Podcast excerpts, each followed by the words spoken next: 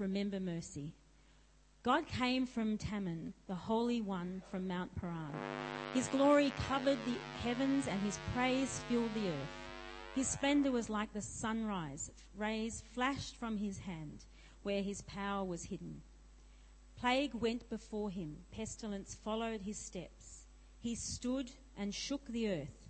He looked and made the nations tremble. The ancient mountains crumbled, the age old hills collapsed. But he marches on forever. I saw the tents of Cushan in distress, the dwellings of Midian in anguish. Were you angry with the rivers, Lord? Was your wrath against the streams? Did you rage against the sea when you rode your horses and chariots to victory? You uncovered your bow. You called for many arrows. You split the earth with rivers. The mountains saw you and writhed. Torrents of water swept by. The deep roared and lifted its waves on high. Sun and moon stood still in the heavens at the glint of your flying arrows, at the lightning of your flashing spear. In wrath you strode through the earth, and in anger you threshed the nations. You came out to deliver your people, to save your anointed one.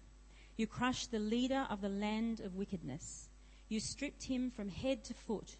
With his own spear you pierced his head when his warriors stormed out to scatter us, gloating as though about to devour the wretched who were in hiding. You trampled the sea with your horses, churning the great waters. I heard and my heart pounded. My lips quivered at the sound. Decay crept into my bones and my legs trembled. Yet I wait patiently for the day of calamity to come on the nation invading us. Though the fig tree does not bud and there are no grapes on the vines, though the olive crop fails and the fields produce no food, though there are no sheep in the pen and no cattle in the stalls, yet I will rejoice in the Lord. I will be joyful in God, my Saviour. The sovereign Lord is my strength. He makes my feet like the feet of a deer. He enables me to tread on the heights.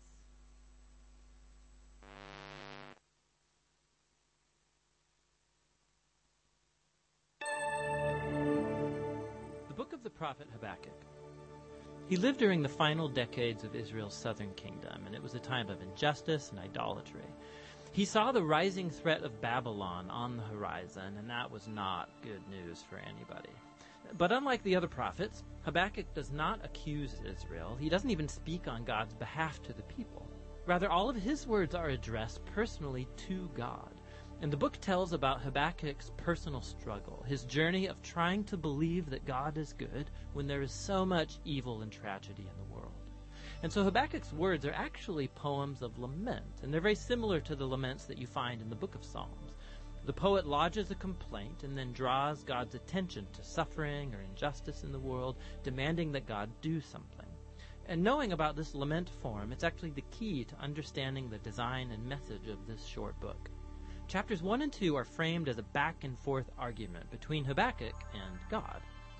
Chapter 3 is a prayer of Habakkuk and it begins by Habakkuk pleading with God to act now in the present like he has in the past in bringing down corrupt nations. And what follows is a very ancient poem. It first describes a powerful, terrifying appearance of God. It's very similar to the opening poems of Micah and Nahum, and similar to the appearance of God at Mount Sinai in the book of Exodus. There's cloud and fire and earthquake. When the Creator shows up to confront human evil, everybody will be paying attention. Habakkuk then goes on to describe this future defeat of evil as a future exodus. So just like God came as a warrior and he split the sea in his battle against Pharaoh, Habakkuk says that God will once more bring his judgment down on the head of the evil house. So Pharaoh, like Babylon, has become here an archetype of violent human nations. But at the same time, we're told that when God confronts evil, he will save his people and his anointed one. It's a reference to the king from the line of David. And so in this poem, the Exodus story of the past has become an image of the future Exodus God will perform. He will once again defeat evil and bring down the pharaohs and the Babylons of this world. He'll bring justice to all people and rescue the oppressed and the innocent. And it's this hope that enables Habakkuk to conclude the book with hopeful praise.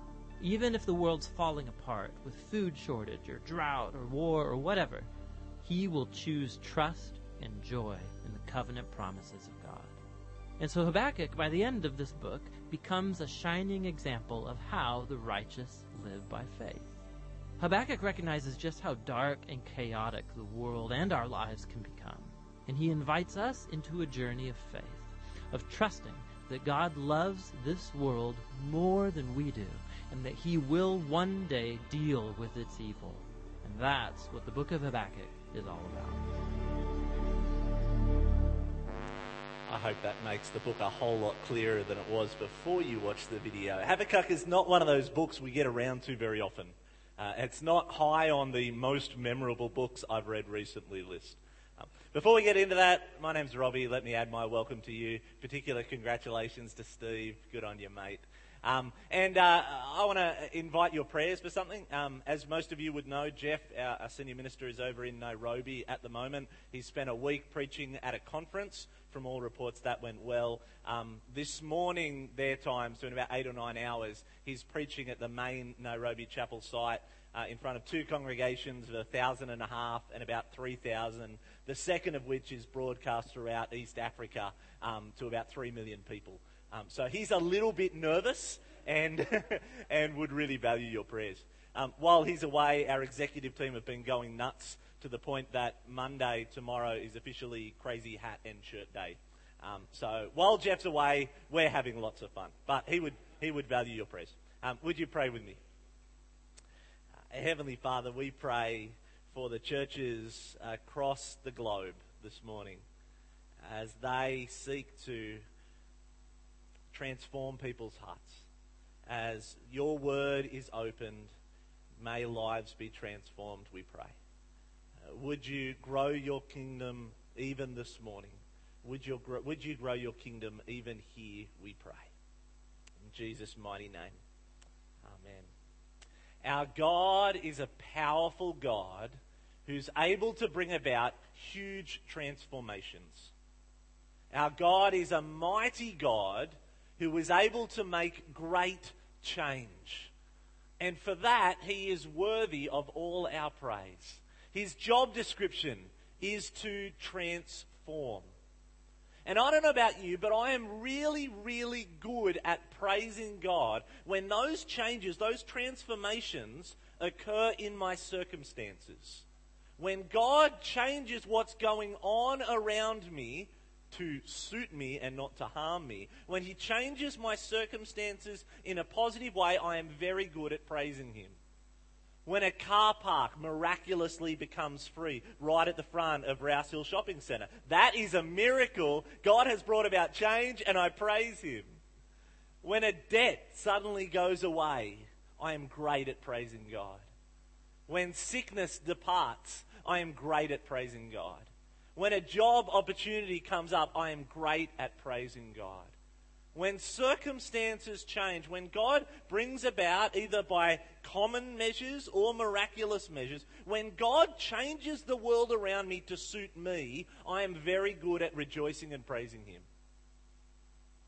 But I'm not quite as good, in fact, I'm lousy in comparison, uh, at praising God when the transformation doesn't happen in my circumstances but it happens in me in enabling me to cope with my circumstances. I don't know if you're the same. When God transforms my outlook on life, when He lifts my vision beyond myself, when He allows me to see perspective, hindsight, when He gives me a glimpse of who He is and not what's going on in the world, and I'm able to better cope with unchanging or bad circumstances, when God does his transforming work in me, I'm far less likely to praise him because I'm still waiting for him to change the circumstances. Habakkuk has come a long, long way. When we first met Habakkuk in chapter 1, he knew of God, he knew about God, but he was angry at him. And so he cried out, How long, O Lord? How long are you going to put up with your people causing all this havoc. Justice is denied. Really bad stuff is going on. How long are you going to let it go? And Habakkuk, and God sort of pats him on the back. Oh, poor Habakkuk, you have no idea what's going on. He's very, God is very gentle with Habakkuk. I, I feel it's, you know, I feel sorry for Job because Job and Habakkuk both come to God with the same sort of complaint. The world is really bad. What are you going to do about it? And and to Habakkuk, he's like, oh, poor Habakkuk, you just don't understand. You know, you, you don't know what's going on back at your place right now while you're here. You have such a limited view on things. Let, let me tell you about myself. With Job, he goes, cut it out, you fool. Stop complaining. You know, Lloyd, uh, what, something about loins lifting up your, I don't know what that, yeah, that. Um, just act like a man. He sort of slaps Job down, but with Habakkuk, he's nice and kind and caring, and he says, Look, I'm going to bring about change. I am. I'm not silent. I'm doing something right now. I'm raising up Babylon, and they're going to come and they're going to judge. I'm going to do something about injustice. I'm going to do something about corruption. And it involves judgment. I don't know about you, but when the uh, US elections were going on, there was very few places to hide from it. Uh, everything was about Donald Trump and, and Hillary Clinton.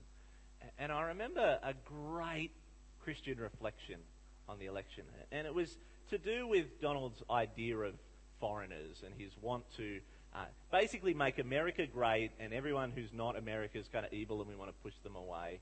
Uh, he, he wants to create a wall to separate the good guys from the bad guys and I heard some, I can't even remember who it was, I heard someone say the problem with that approach is that the dividing line between good and evil goes straight through the center of everyone's heart.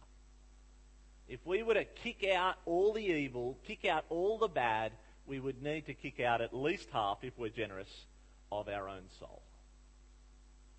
God will do something about injustice, but it involves judgment. Babylon is coming, and He's going to wipe them out a remnant will remain, but he's going to wipe them out. In the same way, God is going to do something about sin. God is going to do something about evil and the pain that we cause, and judgment is the result. Praise be that Jesus came to take on that judgment, to be that curse for you and for me if we trust him obviously Habakkuk wasn't terribly impressed by that answer. He says, how, it, how would it be for you, God? How can you, who are so good and so loving, and, and, and you can't approach evil, how could you use this terrible, terrible nation to judge Israel? He, he gets all theological on God. God, you're a God of love. And, and isn't that true today? Aren't there so many people who would talk to us and, and, and try and try and argue with us to say that God is a God of love. Far be it from Him to judge. Far be it from God, who you claim to worship, far be it from Him to say that particular lifestyles are not appropriate, that certain things aren't good for us, because God is a God of love. And so that one aspect of God's character rules out a whole heap of stuff that the Bible clearly reveals is also part of God. God, Habakkuk says, how, how can you do this? You, you will never, you won't come. I, I'm going to stand over here and I'm going to watch because you're too good to do that. And God replies, if, if you're not sure, write it, write it down in your calendar. It's coming. I am going to judge. I, I, the Babylon's coming. Judgment's going to happen. Things are going to get bad. Life is going to get hard. And we get to chapter 3, and particularly the end of chapter 3. Come with me to verse 17. Habakkuk 3:17. I think this is probably the best known section of Habakkuk. I want you to just remember just, just how far this guy has come. From arguing and complaining against God to saying, Surely you won't do that, to verse 17. Though the fig tree does not bud, and there are no grapes on the vine, though the olive crop fails, and the fields produce no food, though there are no sheep in the pen and no cattle in the stalls, yet I will rejoice in the Lord. I will be joyful in God my Saviour. It doesn't get much worse than verse 17. You've got to remember the context of, of what he's, he's, this whole chapter. The context is he's recognized for the first time that Babylon is coming in judgment, that things are going to be bad. The fig tree doesn't bud, no grapes on the vines, there's, there, there's no drink, there, there's no sheep, there's no cattle, there's, there's no food, and it's going to be bad tomorrow and it's going to be worse next year. If there are no cattle this year, there's no meat, but there's also no cattle to make babies for there to be cattle next year. Things are only going to go south. That is a picture of life that is hard. And yet, over the page, I will rejoice in the Lord. God, I, I, just want you to change the circumstances of my life to I know things are bad and I will rejoice and be joyful in God. That is radical transformation. How can we have that? How, how can you and I be like Habakkuk and in the worst of times be able to rejoice and praise God? That's what I want for me. That's what I want for my family. That's, that's what I want for, for our congregation. I, I want us to be people who, even if God doesn't change circumstances, we can joyfully praise God. How does it happen? Well, it, it, doesn't happen by all of us becoming Ned Flanders, who kind of just live that really stereotypical, joyful life that, you know, you get punched in the face and you're like, huh, you know, that's okay. We don't, it, this is not some fake joy. Take a look at verse 16. Just, it makes my point. He, he's just come to this understanding of who God is and, and what's about to happen. Verse 16. I heard and, and my heart pounded. My lips quivered at the sound. Decay crept into my bones and my legs trembled. This is not some kind of fake happiness. Circumstances are bad, but you know, someone could always have it worse. This is, this is no Ned Flanders Christianity. This is a. He is, he is hurting. He, he is literally decaying. The circumstances are eating him up. And yet, in verse 17, he can praise and be joyful at God. Joy and happiness are not the same thing. There are circumstances that it would be wrong for us to be happy in. But God commands us to be joyful. To know that He is in control and that our future is assured. How can we undergo this kind of transformation? Like all good sermons, three points pray, remember, rejoice. Pray, remember, rejoice. Come with me to verse 1. Um, Kate, I thought you did a fantastic job at. Shigionoth. Shigionoth. Um, apparently, that's a stringed musical instrument. Um, if anyone has a Shigionoth at home, I'd be really keen to see what it looks like. Um, uh, basically, this whole chapter is a prayer which is also a song written to music. It's a pretty weird song. Not many songs that we sing in church have pestilence and plague, wrath, uh, the sun standing still, calamity, warriors storming out and being scattered. It's an odd song, I'll give you that, but it is a prayer and, and it is a song. Um, in the Hebrew, I'm led to believe it's quite beautiful. It's, it's well sculpted. It's a good piece of poetry to music. And it starts there in verse 2 with Habakkuk praying that he might remember the gospel. He starts by praying that he might remember the gospel. Lord, I have heard of your fame. I stand in awe of your deeds, O Lord. Renew them in our day in our time, make them known. In wrath, remember mercy. That's going to be important later. In wrath, remember mercy. What, what he's doing here is he's sort of he's sort of introducing his song. He's introducing his prayer by saying, Lord, please, please help me to know. Please help me to remember. Focus my attention in the right place. I, I want you to do a great work. I, I want you to do mighty things. Would you help me to believe what I'm about to pray? It's pretty simple. The second thing he does is he remembers. Um, the rest of this prayer from verse 3 through to verse 15 is in very poetic form, in very symbolic form. It's Habakkuk remembering the mighty deeds of God in the past. It's him remembering that God is faithful to his promises. Now, as I read through it the first probably three or four times, I'm like, I don't get most of these references. And, and I think that's okay.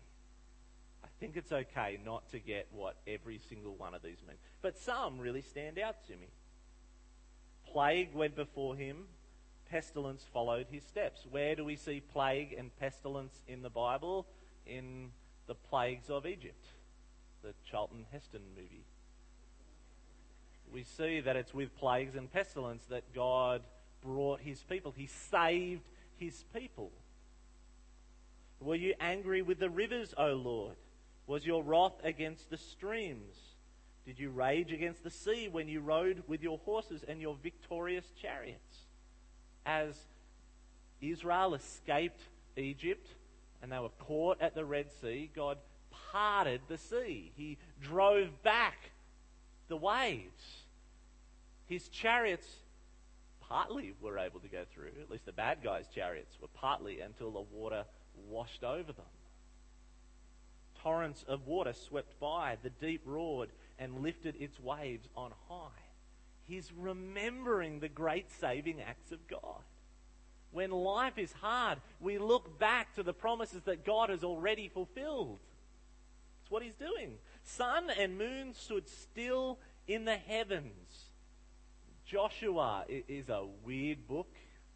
Uh, and there's a couple of moments in Joshua that are particularly weird, like the day that Joshua and Israel wanted to just wipe out this particular part of the promised land. But, but it was getting dark and there were still more people to defeat. And, and they weren't sure if they could survive a night and, and they'd have to get to it again the next morning. And so Joshua prays to God, Would you hold the sun still so that I have a few more hours of daylight so that we can finish the job and sleep tonight. And that's exactly what happens. Now, I, I Googled that this weekend, and there are a million and one blog sites raging between atheists and Christians about atheists saying, yeah, you know, those, those silly Christians, they think that stopping the sun is the answer. It's, it's actually the earth that stops the sun. They thought that the earth, you know, everything revolved around the earth. They were all backwards back then. That's proof that the Bible is wrong. And, and there's millions and millions of blog posts going backwards and forwards. I think they missed the whole point. God is able to do amazing things. God acted in, in, an, in a totally miraculous way. Whether the sun stood still or the earth stood still, I really couldn't care. God brought about a great victory. He fulfilled his promises. He was true to his promises. This whole poem is, is Habakkuk remembering that God can be trusted. When times are hard, God can be trusted because God is a saving God. He's done it in the past and He will do it for us. God has made promises to you and me that when we put our trust in Jesus, He will never let us go. The mighty hand of God will not let you go if you have put your trust in Him. Neither height nor depth nor the future, nor the past, nor anything can separate us from the love of God that is in Christ. God has made incredible promises. And, and this prayer, this song, is about remembering that God is faithful and true to his promises. He will keep his promises. Do you believe that, friends? Do you believe it when times are good? Do you believe it when times are tough? When your fig tree doesn't bud and there's no grapes on the vine? Do you remember that God is faithful and true to his promises? It involves, as Adam said, lifting our eyes and seeing perspective on things. He prays, he remembers that God is a God who is a saving God and keeps his promises. But he also does something really humbling, but one of the most important lessons that we can ever learn. It comes out of verse 13. He reminds us that life is not about us. Life is not about us. Verse 13 You came out to deliver your people, to save your anointed one. I think I've been spending a lot of my quiet time lately in the book of Exodus, and, and it is a marvelous story. It, it is a brilliant book of absolute rescue. God rescued his people in incredible ways. We're going to actually do the first 15 chapters of Exodus next year. I'm really, really excited about it. It's brilliant, but we can so get it wrong because sometimes I think, you know, God did that mighty, mighty act for that generation. But what about the 380 years worth of people who died in Egypt that God didn't save? The, the book never really addresses it, but it really struck me. What about that generation of people that God didn't save? God seems to do incredible things in the Bible, and I haven't seen many of them in my day. And I'm humbled and reminded that it's not about me. God's saving acts ultimately are for his anointed one. A great practical way of the way this unfolds is the story of David and Goliath. I've heard many preachers get up and say, just as David slew Goliath, so you can slay the, the giants in your life. All the evil things, all the things that are oppressing you, you get those stones and you slay that giant. As if we are David in the story, and Goliath is all the things that are getting in my way. But that's not the story at all. David is the Jesus character, not us. If we're anywhere in the story of David and Goliath, we're the Israelites who are hiding over in the corner, standing there, wetting our pants, hoping that someone will come and rescue us from the big bad guys. That's us in the story. We're not David because life is not about us. Ultimately, it's about Jesus. When God rescued his people from Egypt, it wasn't ultimately about them. It was about the line through whom Jesus would come out of. God does rescue to save his people, but it's for his own glory and not for you and me. And, and we will not find joy unless we recognize that. You will never have true and lasting joy if you think that life is all about you. Because let me tell you, there is no joy that you have right now apart from Jesus. There is not one single joy that you have right now that the details of one phone call can't change. That one knock on the door can't change. Not a single thing. Nothing. One phone call can take away every single piece of joy that you could ever hold on to apart from Jesus. Friends, this is so freeing. So freeing. Let me give you a couple of very practical real life examples. You're driving down Hambledon Road on a Tuesday morning and the traffic is built up and you're running late and and some punk, you're, you're in the right lane because you've got to turn right, some punk flies down past you and then pulls in in front in order to sneak around the traffic. We, we've all experienced that, haven't we? Now, if life is all about me, if I'm the most important thing in my life, I am going to get really angry. How dare that person do that? What a, what a rat bag. That is, you know, I will get really, really angry. That's probably one of the few places I can get angry is while I'm driving a car. Uh, I can get really frustrated and really angry because I'm like, that means I'm going to have to be one further back and you watch, the light's going to change before I get there. Where if he didn't do it, I would have turned in. The boss would have realized I was early. I would have got a promotion and life would have been great. But that guy got in there. We get really angry because life is all about me. And every time that someone does something that gets in the way of life being about me, makes me angry. What would Habakkuk 3, the, the Habakkuk from Habakkuk 3 do? Life is not about me. Sometimes circumstances are bad, but God is good. God is faithful. God's going to get his revenge and his justice on him. Judgment is coming. And you know, one of these days, I'm just gonna I'm gonna see a police car pulling him over on the side of the road. I'm gonna shout, "Hallelujah! Justice has come." Or, or what if we're at work and there, and there's a boss who who's just really narky. this boss who's just been riding us for weeks and weeks, and he's just you know you feel like strangling him. Just, he's just everything about him just annoys you. If, if life is all about us, then he is the devil that person. He or she is just evil because they're getting in the way of our happiness. But if life is not all about me, if God is good and true and faithful to his promises, if he is a saving God, that puts everything into perspective. I can pray for that person. I can seek to love that person. Because I don't automatically become angry because life is not all about me. That's what Habakkuk is doing. And friends, that's the key for us.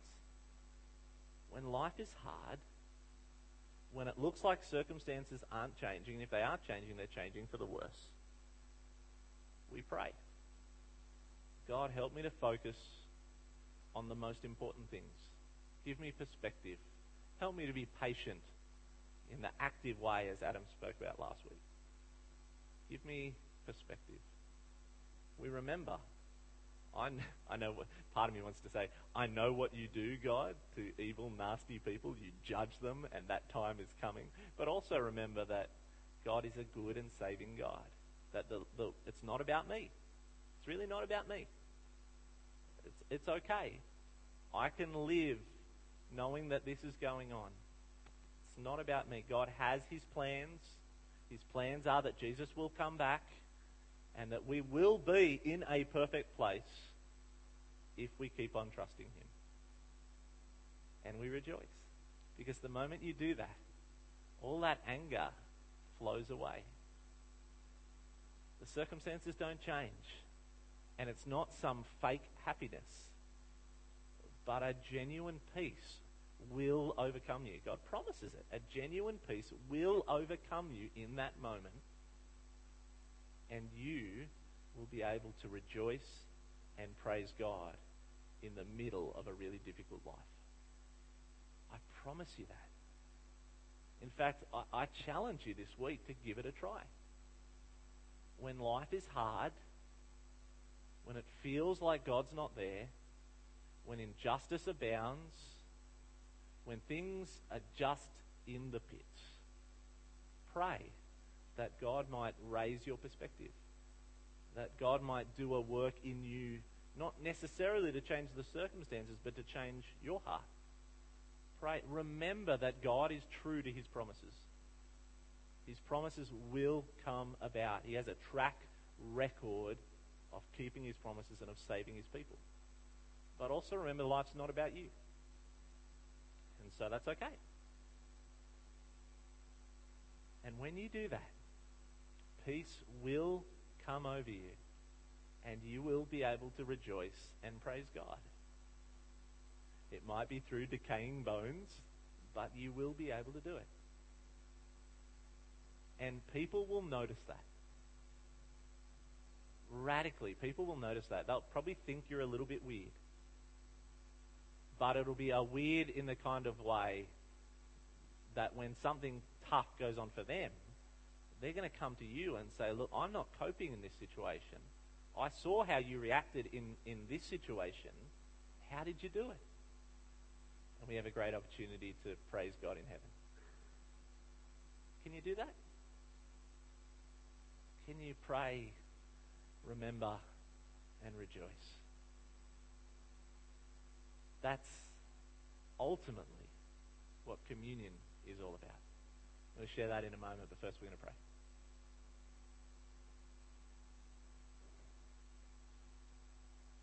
Heavenly Father, thank you for the great transforming work you did in your prophet Habakkuk. And thank you that it's included in your scriptures so that we might learn from it. Thank you so much that we can pray. Not pray for changed circumstances, but pray for changed hearts. Thank you that we can remember that your Bible is full of promises, promises made and promises kept. But that it also reminds us that life's not about us. And Lord, help us to rejoice in a very real way. May we put that into practice this week. And would you transform our hearts, we pray. Jesus' name, Amen. Ultimately, communion is about the same things. When Jesus suggested, when he, when he commanded his disciples to take communion, he said, Pray, remember what I have done. And in fact, he was telling his disciples to remember what I'm about to do. Remember my body, remember my blood, and rejoice and give thanks. As the uh, helpers are going to distribute the bread and the juice, uh, it, it doesn't matter if you carry an Anglican badge, if you have a name tag, it doesn't matter how old or how young you are. If you're someone who trusts Jesus, this meal is for you. If you know that God is a promise maker and a promise keeper, and you pin your hope in that, this meal is for you.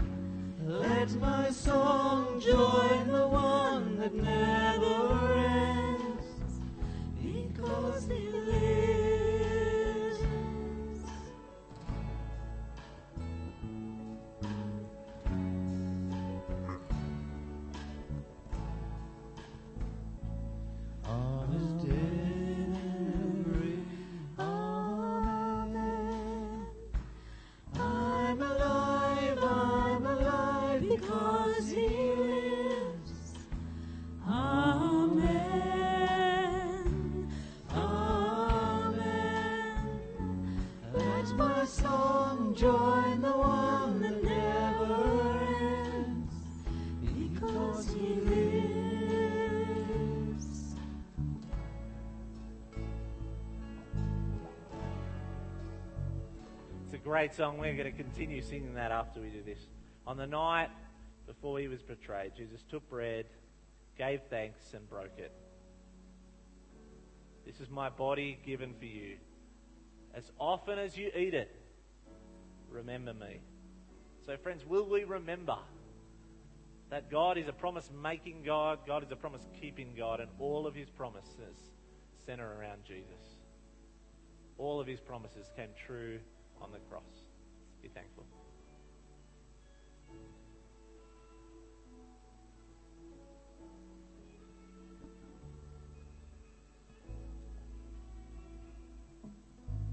Those promises could only come true because Jesus' blood was shed. Because his blood paid the debt that we can't pay. Drink this in remembrance that Christ's blood was shed for you.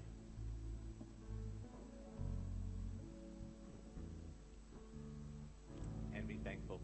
We're going to stand, we're going to say the Lord's Prayer together, and then we're going to continue singing this fantastic song. Um, will you stand? The words of the Lord's Prayer will be on the screen. Together, let's rejoice. Let's thanks, thank God by praying in these words. Our Father in heaven, hallowed be your name. Your kingdom come. Your will be done on earth as in heaven. Give us today our daily bread.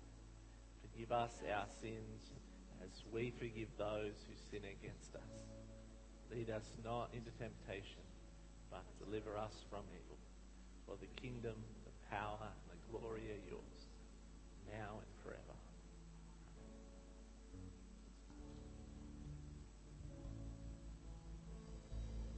I was dead in the grave. Was covered in sin and shame. I had mercy on my name. He rolled the stone